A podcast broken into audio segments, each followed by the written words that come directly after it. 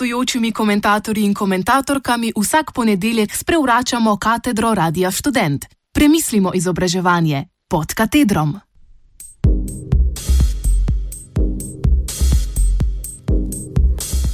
V zraku.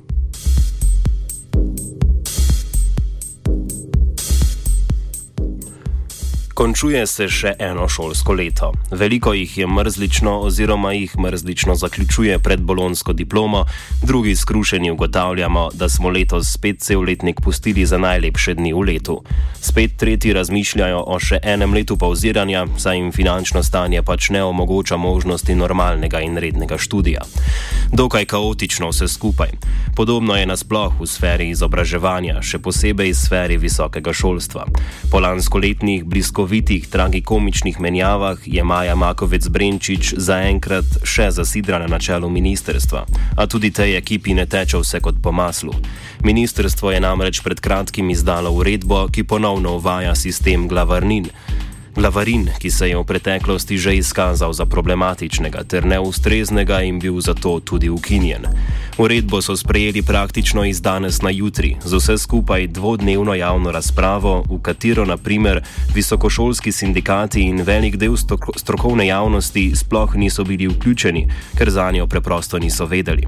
Lahko pa bi poteknili hiter zaključek, da ima ministrstvo problem s komunikacijo. Ko smo ministrico povprašali, zakaj zopet glavarine, je hitro odgovorila, da tudi sama ni naklonjena temu in da je to samo prehodno stanje. Uredba je torej začasna, dokler ne bo sprejeta novela zakona o visokem šolstvu ali krajše ZVIS. A pogosto se zgodi, da ravno tisti začasni ukrepi postanejo permanentno stanje. A ZVIS naj bi bil sprejet z začetkom naslednjega šolskega leta, torej 1. oktober 2016.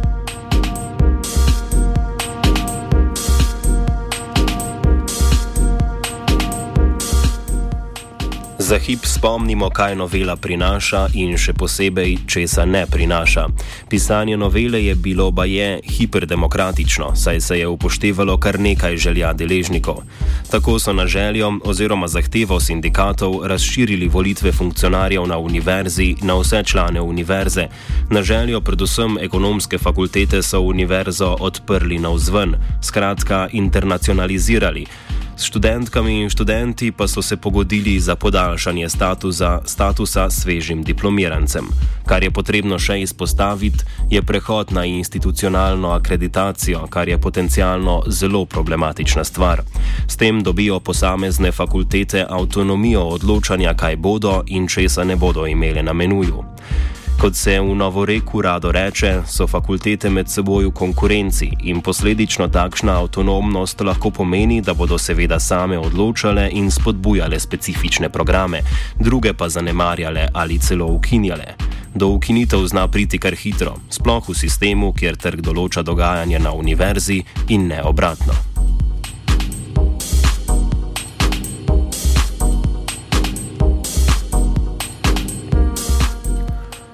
Takšno dogmatično kapitalistično logiko spodbujata tako uredba s preprosto računico več glav, več denarja, kot tudi novela ZVIS. A če smo že pri konkurenci, Univerza v Ljubljani še zdaleč ni konkurenčna, tudi če si to želi biti. Če izpostavimo samo en primer izmed mnogih. Doktorski študij na filozofski fakulteti je za nekaj tisoč evrov dražji od primerljivega doktorskega študija na ZRC SAZU, ki je le kakšnih 500 metrov stran. Seveda ne zagovarjamo logike, kjer filozofska fakulteta dvigne ceno, ravno obratno, a hočemo le izpostaviti, da se na prostem trgu ne znajdemo ravno najboljše. Javna univerza pa tako ali tako sploh nima kaj za iskati na prostem trgu. K večji konkurenčnosti stremi tudi ekonomska fakulteta, ki z internacionalizacijo cilja predvsem na tuje izredne študente, kateri že sedaj prinašajo velik delež dobička oziroma proračuna.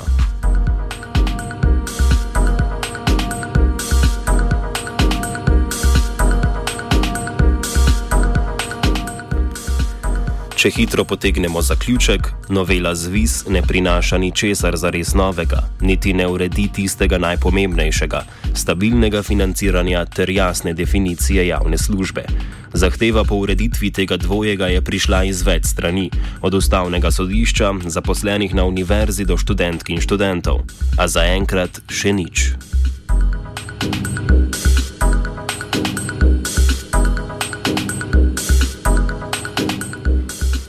Če so študentke in študenti zadovoljni s tem in, je, in s podaljšanjem statusa po zagovoru diplome, je treba zamenjati študentsko oblast, ne študentov. Predstavniki študentov namreč sklepajo takšne kupčije, ki so škodljive za študente, a jih predstavljajo kot težko pridobljene pravice in dodatne ugodnosti.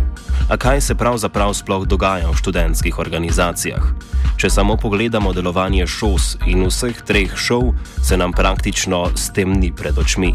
Še bolj nas zaboli, ko svoje napake, sumljive posle in preračunane koruptivne prakse javno in glasno priznavajo ter zagovarjajo, kot da bi bilo to nekaj normalnega. Ja, seveda smo zemljišče za kampus skoraj štirikrat prepračali bivšemu funkcionarju na šov. Vemo tudi, da bo to kmalo, da bo tu kmalo peljal čez ulak, potem ko smo investirali v to nekaj milijonov študentskega denarja.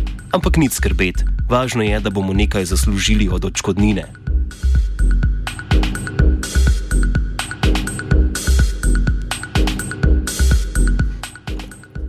Ne morajo se niti zmeniti, ali so šos in vse tri šov pravne osebe javnega ali zasebnega prava. Zato vedno znova direktor šov v Ljubljani, Andrej Klasinc, jasno in glasno pove, da so oseba zasebnega prava.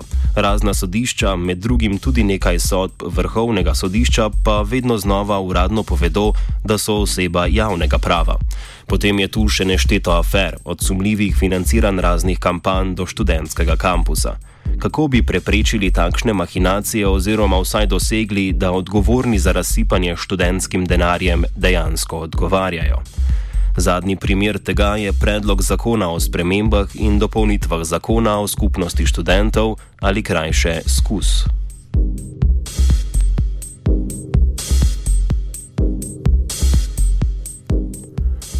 Predlogu bi uvedli zunani nadzor, večjo transparentnost, enkrat za vselej bi definirali pravno subjektiviteto, uvedli zunani nadzor strani računskega sodišča in KPK ter uredili pravila volivne kampanje, ker je, kot smo tudi že poročali, prihajalo do neštetih kršitev, nekatere skupine pa so zapravljale vrtoglave vsote denarja, za katerega jim ni bilo potrebno dokazati izvora.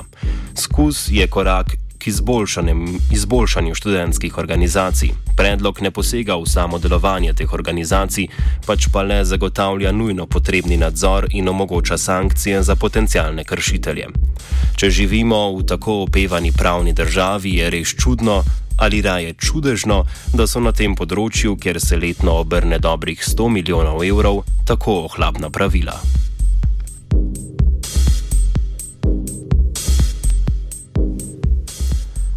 Seveda so študentske organizacije nujno potrebne in tudi za marsikaj koristne. Poskrbeti pa bi bilo potrebno, da, tudi če sama organizacija pride v napačne roke, obstajajo mehanizmi, ki preprečijo korupcijo in klientelizem. Kaj nas čaka v naslednjem šolskem letu, si ne upamo napovedati. S trenutno rahlo zmedenim in nad prostim trgom entuzijastično navdušenim resornim ministrstvom nikakor ni vseeno, kaj počnemo tisti, ki študiramo. Uradnim študentskim predstavnikom pa je važno predvsem njihovo lastno udobje oziroma privilegiji, ki jih uživajo na račun študentskega dela.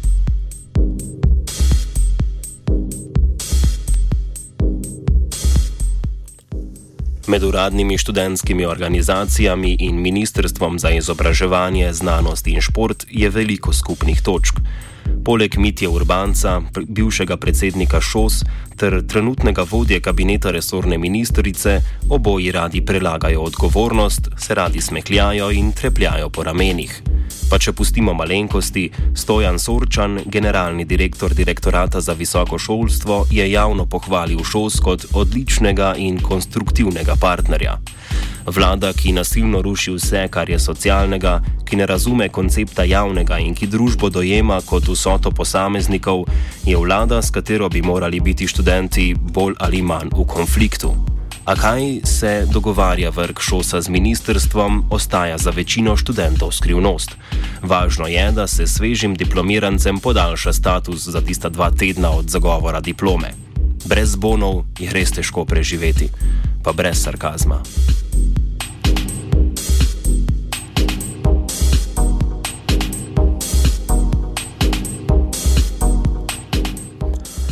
Če zaključimo, veliko stvari visi v zraku. Oktobra bodo tudi ponovne volitve v študentske organizacije. Volilo se bo študentske predstavnike, ki bodo upravljali z večmilijonskim proračunom, ter sedeli za mizo, ko se bodo pisali zakoni, ki bodo oblikovali prihodnost visokega šolstva pri nas. Na nas je odgovornost in dožnost, da poskrbimo oziroma poskusimo spremeniti trenutne tendence.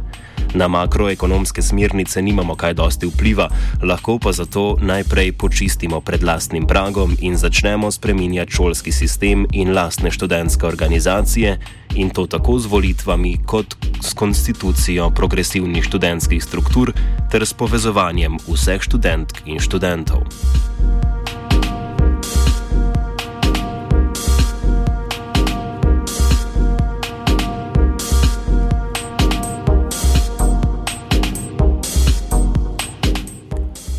Kar je unikatnega na univerzi je, da je na enem mestu združenih veliko mladih s skupnim interesom. Ta skupni interes je seveda brezplačno in kakovostno javno šolstvo ter stabilen trg delovne sile, ki omogoča varno in produktivno prihodnost. Seveda je problem širši in se ga ne da urediti niti z enim zakonom, niti znotraj enega ministrstva. Je pa potrebno zavestiti študentke in študente, da imamo moč in zaenkrat še relativno v redu pogoje za politično aktivnost. Kar je starega in neprimernega ali nedelujočega, je tako potrebno prepoznati in pripoznati, ter kot tako ne mudoma odstraniti. Politizacija študentov je eden izmed pogojev politizacije celotne družbe. Sploh, če gledamo bivše predstavnike študentov ter razne študentske funkcionarje, ki sedaj sedijo v raznih parlamentarnih strankah, je študentski parlamentarizem predstopnja državnega parlamentarizma. Študentke in študenti pa ne smemo biti le pasivni podporniki demokracije, ampak njeni glavni akteri. Sedaj imamo pogoje, sedaj imamo priložnost.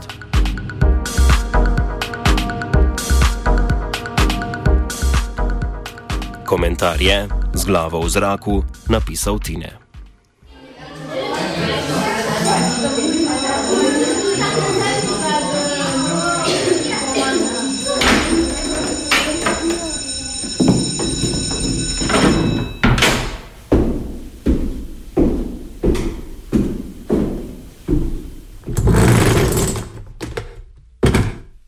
Gostujočimi komentatorji in komentatorkami vsak ponedeljek sprevračamo katedro Radia Student. Premislimo izobraževanje pod katedrom.